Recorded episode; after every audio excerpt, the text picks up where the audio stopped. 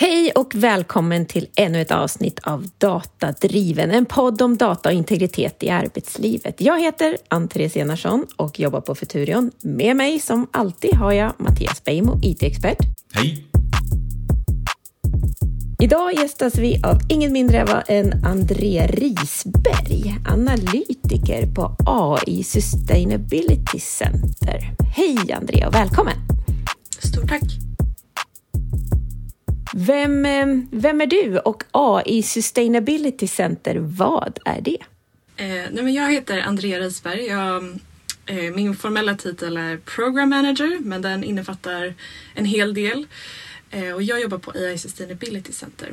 Och vi är en organisation som grundades 2018 för att skapa ett världsledande centrum specialiserat på att hantera hur AI och andra datadrivna teknologier skalar i ett bredare etiskt och samhälleligt perspektiv.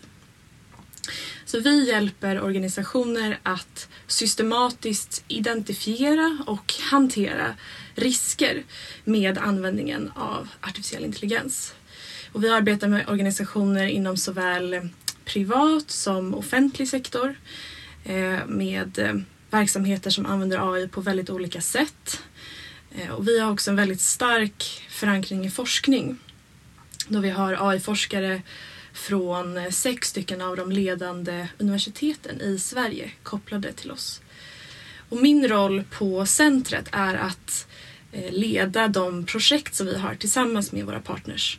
Så att jag jobbar med organisationer av varierande grad av digital mognad som använder datadrivna teknologier på väldigt olika sätt men där det gemensamma målet är att säkerställa att de är etiska och hållbara i sin användning av data och de här teknologierna. Eh, och jag leder också de policyrelaterade aktiviteterna som vi har på centret, både nationellt och globalt. Just det. Eh, du säger att eh, etisk AI. Vad, bara kort, vad, eller, vad, vad, är det för någonting egentligen? Mm. Um, etisk AI för oss är när AI används på ett sätt som är eh, rättvist, när det används på ett sätt där vi som ger ifrån oss vår data, där vi har rätt till vår integritet, att vi har rätt till att inte diskrimineras på grund av en AI och ett AI-beslut eller en rekommendation att vi som individer får fatta medvetna beslut och inte manipuleras in i, i val eller beteenden som vi inte själva har valt. Um, och att vi får information på rätt sätt. Uh, men framförallt så handlar det om att, um, att vi får veta att, vi, vi, att det finns en transparens i hur påverkas jag som medborgare eller som kund eller som anställd av AI. Eh, och vad betyder det för mig och för min situation? Så etisk AI för oss och i de projekt som vi driver tillsammans med våra partners handlar mycket om att systematiskt jobba med de här frågorna. Att systematiskt jobba med att identifiera risker och prioritera dem och säkerställa att de riskerna hanteras eh, så att de inte leder till några, några konsekvenser för för individer eller för samhället i stort som, som man som bolag eller som myndighet inte vill stå ansvarig för. Mm. Ja, jag skulle vilja säga så här att det är intressant det du säger att identifiera risker och, och som finns. Eh, och naturligtvis finns det massa möjligheter också, men just de här riskerna, vi ska djupa i dem alldeles strax. Men, men kan inte du Mattias bara redogöra för utifrån ett arbetslivsperspektiv, varför det, hur, ser, hur ser du på på det? Ja, eh, den här podden heter ju Datadriven och, det har ju varit en ynnest att vara med här och fått vända och vrida så mycket på datainsamlingen och dataanvändandet på arbetsplatser. Eh, och hur det har gjorts och hur det framförallt börjar göras mer och mer. Ehm, och det har vi ju tagit upp, men vi har kanske inte berört så jättemycket på vad det här datat driver för någonting. Eh, en av de sakerna som det här datat driver är det som man ofta kallar för artificiell intelligens. Och först och främst inom, ja inte bara inom mellan arbetsmarknadens parter eller, eller överlag i samhället så finns det en missuppfattning att artificiell intelligens skulle vara någon slags statistik i ett Excel-dokument. Eh, många förväxlar AI med den här, i och för sig ofta avancerade insamlandet och förädlingen av data som har pågått under några, flera decennier nu. Att man samlar in data och man stoppar in det i Excel eller ännu mera fancy versioner av statistik, analys, programvaror och, och eh, system. Delidén eh, med maskininlärning eller neurala nätverk som är ju delar av artificiell intelligensområdet är inte alls att sätta samman en visualisering eller en representation av till exempel vilken budbilschaufför som alltid missar deadlines. För att visa det behövs ju bara statistik. Utan AI som, och till exempel då maskininlärning, syftet med det är att hela tiden ge en mängd olika data till en, en eller flera algoritmer som ägnar sig åt att försöka då se mönster i chaufförernas beteende som vi kan ändra på eller påverka, ofta i realtid, för att optimera eller andra sätt förbättra. Och de här, den här eh, algoritmens metod eller sätt att komma fram till den kommer fram till är inte, det är avsevärt mycket mer avancerat än en Excel-tabell eller en, ett diagram eller statistik. Utan det är ibland på sätt som vi inte ens kan förstå hur det går till. Är det en viss tidpunkt på dagen som verkar påverka just vissa chaufförer att komma för sent oftare? Ja, i så fall så är ju rekommendationen från AI att ge inte just de chaufförerna den här typen av körning. En typ av körning som vi inte ens kan förstå att det är en typ av körning. Um, hur stor kommer arbetsbelastningen bli imorgon baserat på hur datat flödar in? Okej, okay, den verkar inte vara av den här typen, då behöver vi inte ringa in de här timanställda och då kan vi spara pengar och låta de andra kanske jobba lite hårdare. AI kan ju idag skriva och till rätta kod till webbplatser och appar helt själv. Alltså AI själv kan skriva den kod som behövs för att bygga en app helt själv. AI som många vet, eller de flesta vet, möjliggör att man kan ha självkörande bilar. AI kan själv skriva meningar och texter. Det är faktiskt så att texten som jag läste upp nyss här om maskininlärningen och budbilarna, den har inte jag skrivit utan det är GPT-3 som har skrivit den. Det är en algoritmiskt driven textgenerator. Vad jag gjorde var att jag gav den en halv första mening. Många förväxlar AI med statistik. Eh, och så fick jag resten skrivet åt mig. Eh, och den, så den nivå som artificiell intelligens, som det brukar kallas, är på, är verkligen på en nivå där den kan ersätta människors roll, till och med då, citattecken till och med, inom yrken som vi tidigare förknippat med ganska avancerade tjänstemannauppgifter robotarna kan så att säga ta våra jobb är ju absolut en, en, en realitet. Men förstår man de, eh, ja, de, de, har man, kan man identifiera liksom de ris, liksom risker då, som du ser som, som etiskt kanske inte så hållbara eh, på sikt? Hur, hur, upplever du mognaden i företag och organisationer där? Mm. Eh, nej men jag skulle säga att det finns en, en ökad medvetenhet hos olika verksamheter att de här riskerna existerar. Men hittills så har det främst varit de stora techjättarna som har drabbats av de här riskerna men också de här stora skandalerna. Eh, där vi har sett exempel där exempelvis eh, när Apple lanserade en betallösning som sen visade sig systematiskt diskriminerade mot kvinnor och gav dem lägre kreditvärdighet än män med motsvarande ekonomisk situation. Samma sak när Amazon lanserade ett rekryteringsverktyg visade sig att det systematiskt rekommenderade män till höga chefspositioner istället för kvinnor som hade samma behörigheter och samma typ av erfarenhet. Men också stora techjättars eh, ansiktsigenkänningsprodukter som har eh, där det har blivit ett väldigt stort bakslag kring de här efter att det har uppdagats att de fungerar mycket sämre på att identifiera svarta ansikten än vita ansikten. Så att de här riskerna har framförallt varit förknippade med de stora techjättarna.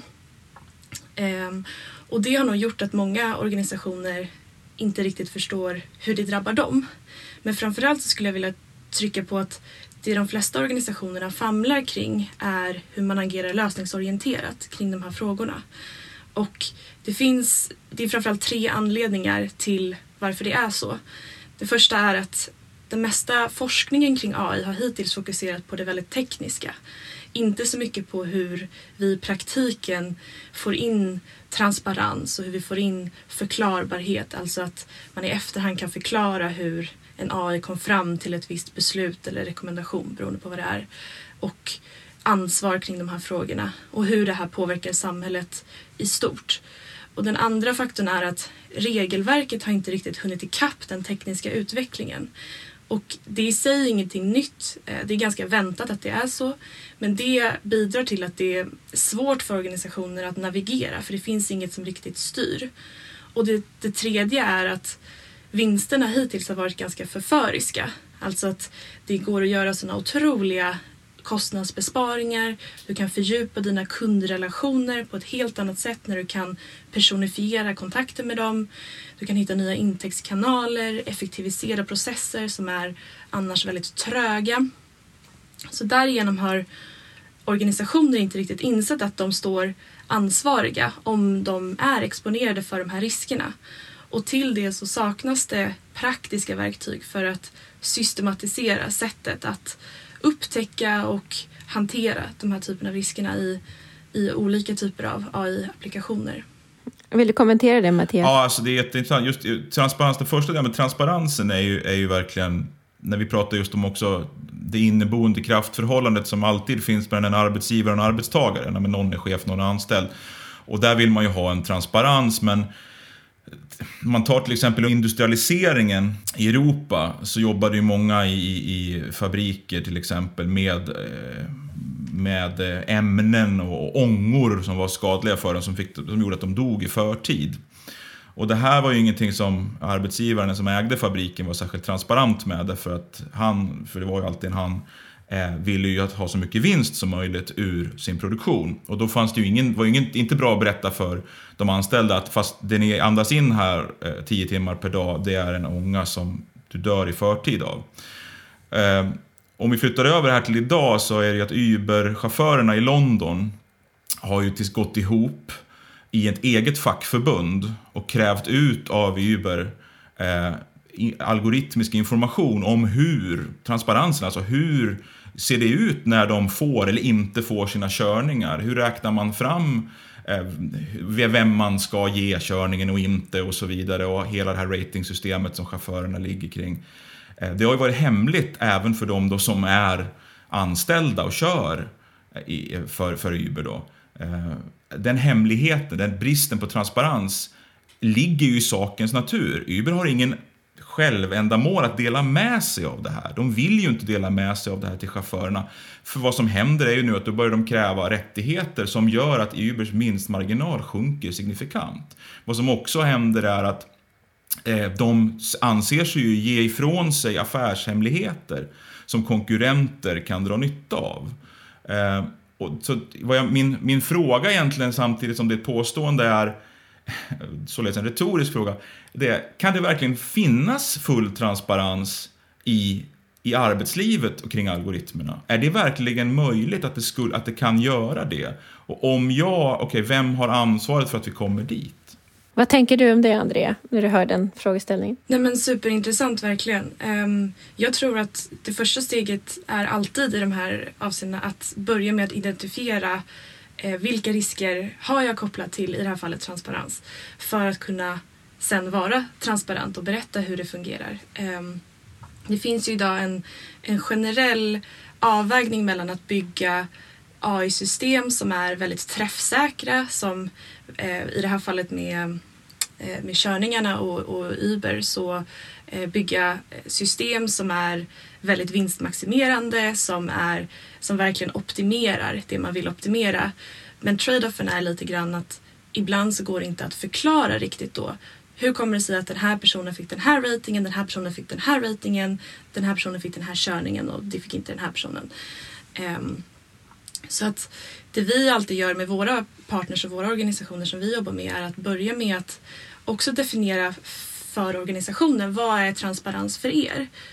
Vilken nivå behöver ni vara vilken nivå behöver ni lägga er på? Hur mycket behöver ni kunna förklara till era anställda och till era kunder om hur den här AI kom fram till ett visst beslut? Olika sektorer har på något sätt olika eh, grader av ansvar i den frågan. Så det börjar alltid med att definiera eh, vad är ansvar för min organisation givet existerande regelverk, givet kommande regelverk och mm, jobba därifrån helt enkelt. Eh, men jag tror absolut att det går. Eh, men det handlar om att arbeta systematiskt eh, med de här frågorna. Verkligen. Och, och ha en dialog med sina anställda och sina kunder och hela tiden samla in deras intryck och deras åsikter om hur de påverkas av det här. Mm. Får, får, får jag bara ställa följdfrågor? Vems ansvar är det då att göra det här? Nej, men ansvaret ligger ju på organisationen själva. Som jag sa tidigare så, så finns det inget riktigt regelverk kring det här och det gör att det här är ju en risk för organisationen. Det är ju någonting som i slutändan, en etisk risk som i slutändan kommer påverka verksamheten finansiellt eller genom en stor skandal eller liknande. Så att de här organisationerna är ju beroende av att anställda och kunder fortsatt vill opta in och fortsatt vill ta del av de här lösningarna och dela sin data. Och för att de ska för att jag som, som kund eller jag som anställd ska känna trygghet i att göra det så behöver de visa oss systematiskt att vi jobbar med de här frågorna. Så här påverkas du, så här använder vi din data. Mm. Är intresset stort från företag och organisationer i överlag skulle du säga att, dis att diskutera de etiska riskerna man, man utsätter sig för när, på ett sätt då, när, när man eh, implementerar AI? Mm. Skulle du bedöma det som stort? Eh, ja, det skulle jag. Men för att lite koppla an till det tidigare som jag nämnde att det hittills har inte riktigt funnit ett pra praktiska verktyg för att jobba med det här. Um, så har det gjort att, eller det, en anledning till det är att man hittills har jobbat väldigt mycket i silos inom organisationerna. Så tänk dig att du har en organisation så har du på VD-nivå eller på generaldirektörsnivå. Där finns det en hög angelägenhet om att minska riskerna. Sen har du kanske en marknadsföringsavdelning som vill använda nya innovationer och nya tekniker för att fördjupa de här kundrelationerna och samla in mycket data för att kunna göra det. Så där finns det en villighet att omfamna AI men de inser också här att för att vi ska kunna göra det så måste vi stärka tilliten. Vi måste säkerställa att, att vi har våra kunders eller våra anställdas eh, tillit för att de ska vilja opta in, alltså att de ska vilja dela sin data fortsättningsvis. Och sen har du kanske en techavdelning där man vill gå mot ökad eh, träffsäkerhet, alltså att du vill bygga AI-system som är väldigt, eh, väldigt robusta och väldigt, eh, de har hög accuracy. Men kanske i utbyte mot lite sämre förklarbarhet. Jag nämnde tidigare den här avvägningen mellan att ha väldigt träffsäkra system och ha system som går att förklara, där det går att förklara hur input ledde till ett visst utfall. Ehm, och där skulle jag säga att det finns en generell eh, ovilja att göra avkall på de effektivitetsvinster eh, och det värdeskapande som, som implementeringen av AI kan leda till. Och sen har du en juridisk avdelning som oftast kommer in väldigt sent och antingen säger ja eller nej till någonting. Ehm, men som också agerar lite grann i en, i en regulatorisk gråzon då regelverket inte riktigt har, har kommit ikapp. Du, du, du beskriver ju eh, ena rediga målkonflikter inom en organisation, hör jag. och eh, att komma till rätta med dem kan ju ta många, många år och ytterst eh, både komplicerat och eh, konfliktfyllt. Det, det kan vi nog alla eh, vittna om på olika sätt att vi har eh, erfarit. Men vilka praktiska verktyg skulle du liksom gärna se då? Mm. Det viktigaste är som sagt att, att arbeta systematiskt. Alltså att säkerställa att i den dagliga verksamheten så har vi en metod, ett arbetssätt för att identifiera vilka risker är vi exponerade mot i den här AI-tillämpningen. Hur allvarliga är de om de skulle inträffa och hur hanterar vi dem om de här riskerna inträffar? Och för att kunna identifiera alla risker, för att man ska undvika det här arbetet i, i, i silos så behöver man arbeta tvärfunktionellt. Så alla de här olika rollerna som jag nämnde tidigare, marknadsföring, tech, den juridiska avdelningen, alla de behöver jobba tillsammans längs hela AIns livscykel. Och för att, för att då uppnå etiska tillämpningar av AI så, så behöver det här vara en del som, by, som byggs in i rutinerna. Att ha en metod för det här och ha praktiska verktyg för det här. Och vi säger att alla organisationer som jobbar med datadrivna teknologier och AI behöver ha fyra stycken fundament implementerade. Har man de här fyra fundamenten så är man väl förberedd att hantera de här riskerna som kan uppstå. Det första är transparens, som vi var inne på tidigare. Alltså att vara transparent och öppen med att vi använder den här typen av teknologi på det här sättet. Det leder till ett beslut eller en rekommendation. Låt säga att du är en, eh, en myndighet som har en AI som ett beslutsstöd. Till exempel om du är en eh, arbetsförmedlare så kanske du har en AI som hjälper till att profilera hur långt från arbetsmarknaden en arbetssökande är. Då behöver den arbetssökande vara informerad att nu påverkas du av ett AIs utfall. Vi använder det som en rekommendation på det här sättet. Det behöver alltså finnas en öppenhet kring hur man använder teknologierna i verksamheten mot de som påverkas, vare sig det är anställda eller kunder eller medborgare. Sen behöver man kunna förklara utfallen av en AI. Igen det här att det finns en liten avvägning mellan att bygga, bygga modeller som är väldigt träffsäkra och bygga modeller som är förklarbara. Där du kan förklara, du, du som arbetssökande, vi, den här AI bedömde att du var så här långt från arbetsmarknaden. Vilket sen leder till att vi fattar det här beslutet. Då behöver man kunna förklara hur modellen fattade det beslutet. Det behöver finnas ansvar om någonting går fel. Och sen så behöver man bygga en organisationsstruktur kring det här. Så att vi jobbar väldigt praktiskt med våra, eh, med våra partners att, att implementera det här som ett arbetssätt i organisationen för att systematiskt jobba Eh, och följa upp också. Mycket handlar om att att följa längs AIns livscykel och, och testa regelbundet. Mm, jag förstår. Mm. Det som slår mig är ju också att vi pratar om målkonflikterna hur, hur svårt det att, att ta sig an det nya arbetssättet och, och våga vara transparent och värdera de här riskerna, så att säga. Eh, och du beskriver vilka krav det ställer på en organisation att kunna och ha förmåga att ställa om till liksom ett etiskt hållbart eh, sätt att jobba med AI. Då tänker jag att det har ju varit lite samma utveckling ändå på klimat, inte minst i klimatomställningen, tänker jag. Det är naturligtvis en, en, en risk där, som också företag och organisationer har, hanterar eh, och eh, eh, man har bedömt att det var en risk och det finns liksom någon slags eh, förväntan på att man bidrar till eh, globalt och i samhället, i närsamhället. Men det har ju ändå resulterat i i riktlinjer, konventioner och överenskommelser ändå på, på, globalt sett, inte minst Agenda 2030 med mera. Flera exempel. Är det det vi behöver här, Mattias? Är det det som krävs för att liksom, organisationer ska ta kliv framåt? Vad, vad ja, tänker du? Ja, jag vet inte riktigt om, om, om det. Jag tror att det finns en stor skillnad. Det är att kunskapsläget kring AI och datadrivna både affärsmodeller men även det, liksom, den övervakning av anställda som sker allt mer. Kunskapsläget är så mycket lägre än för klimatfrågan. Man kan tycka att det finns sådana som Donald Trump och andra klimatförnekare att, att kunskapsläget verkar vara dåligt. Men, men kunskapsläget jämförelsevis inom klimatfrågan är eoner mycket bättre än vad det är kring hur, hur en artificiell intelligens, som, som det ju kallas, Eh, fungerar. Det, det, man kan liksom nästan inte begära av en företagsledning eller en marknadsavdelning eller nästan inte ens en IT-avdelning på valfri myndighet att veta det. Det är så avancerad datavetenskap så att det kräver, och det rör sig hela tiden och ta GPT-3 som jag nämnde som kan, som hitta på och skriva egna kreativa texter.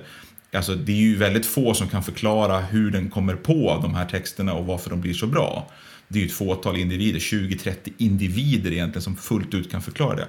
Så kunskapsläget är väldigt lågt. Det gör att jämförelse med den här klimat, eh, alltså medvetenheten, att man skapar ramverk, att man skapar policies och man skapar globala till och med överenskommelser. Vi är ganska långt ifrån det. Och så finns det en annan del, i praktiken har det ju inte gjorts så mycket i klimatfrågan. I praktiken så har man ju bara skrivit de här dokumenten och man har stått i Paris och skakat hand och sen har vissa lämnat det där avtalet och så vidare. Alltså, det, det, har inte hänt, och det har inte hänt så mycket. Och det, att det inte händer så mycket är nog lite grann beroende på det Andreas sa. Det vill säga att det här är någonting som man förväntar sig att företagsledningen till exempel ska arbeta med. Deras incitament är ja, i etik och det kan vara en varumärkesskada om det kommer fram saker, men än så länge så är den eventuella skadan så mycket mindre än den extrema vinst man kan få genom att arbeta med datadriven artificiell intelligens i sin affär. Och även för samhällsaktörer, för Pensionsmyndigheten till exempel. Det är sån enorm fördel för dem och medborgarna att arbeta med det här datadrivna arbetssättet. Så att jo, den här hänsynen, men när man börjar väga dem så väger hänsynen väldigt lätt i vågskålarna. Och det handlar, vad jag vill komma till, är att jag tror att det handlar mycket mer om, när det gäller AI-frågan, kanske klimatfrågan också, men det är en annan podd. Eh, när det gäller AI-frågan så handlar det väldigt mycket om att det räcker inte riktigt. Det räcker inte med den här överenskommelsen om att ja, men tänk på etiken och så har man workshops och post-it-lappar om det.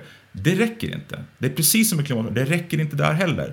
Det måste till en tyngd i den vågskålen och den kommer inte av workshops och post-it-lappar. Nej, men du säger att en, en, en tydlig så att säga, eh, motkraft, och vi tog det exempel här från, från London och Uberförarna som, som helt enkelt har tagit initiativet i egna händer för att skapa tydlighet i sin egen organisation. Är det mer hand, är handlingskraftigt? Ja, men de, har skapat, liksom? de har ju liksom bildat ett eget fackförbund de har ett eget mm. fackförbund för Uber-chaufförerna i London.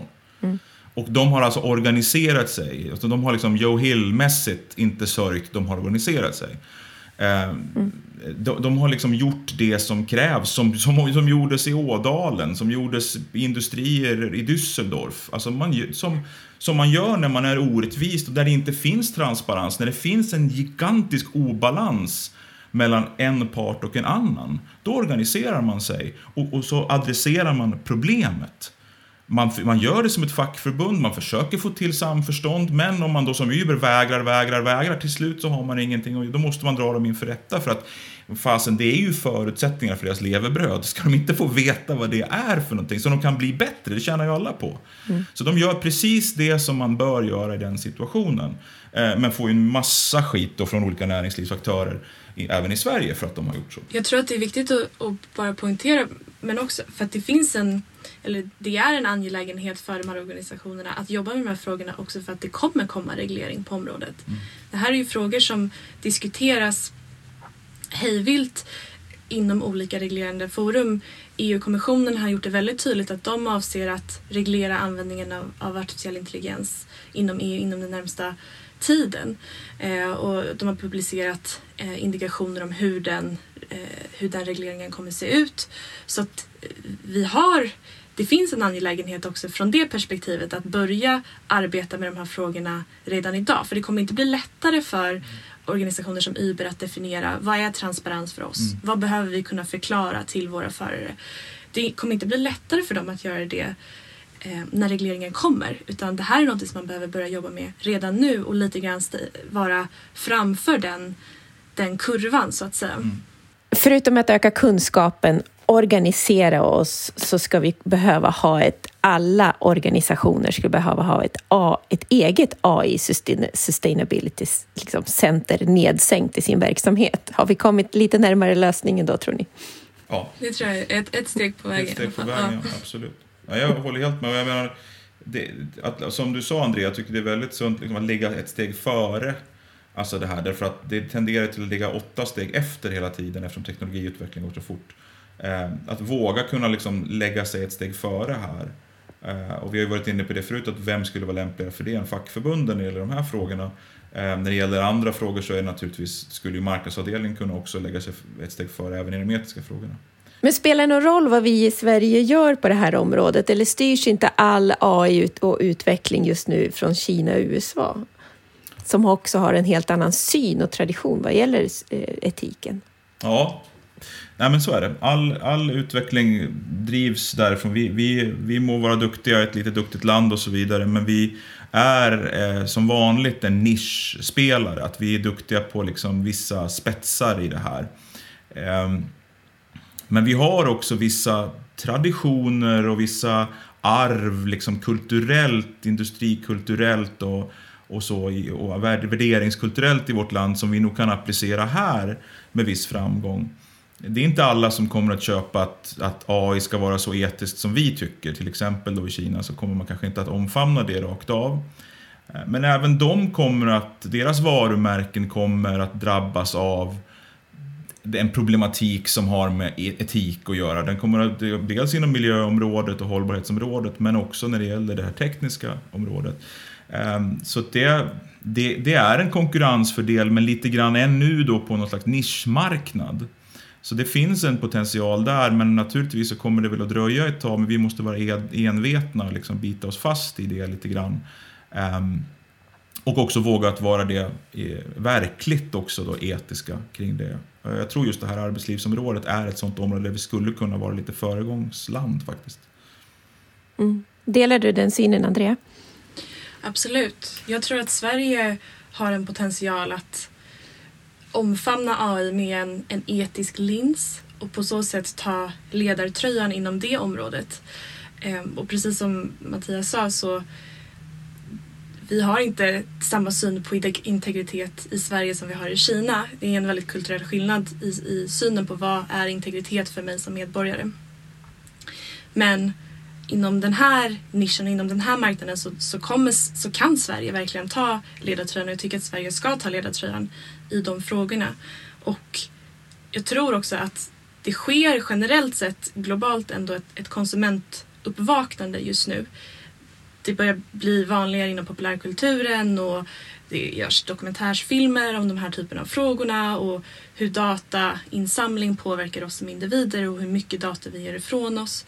Så jag tror att det, det börjar bubbla även på ställen där de här frågorna traditionellt sett inte har varit jättecentrala. Som sagt, Sverige har en lång tradition av att står för värden som transparens, öppenhet, demokrati och det måste vi fortsätta värna om även i den datadrivna eran så att säga som vi är i just nu. Så att jag tror att det är högst relevant för, för organisationer i Sverige men också i globalt sett att omfamna AI med den här etiska linsen just för att det kommer vara någonting som efterfrågas från anställda, från kunder, från medborgare för att vi ska vilja dela vår data och ta del av de här tjänsterna.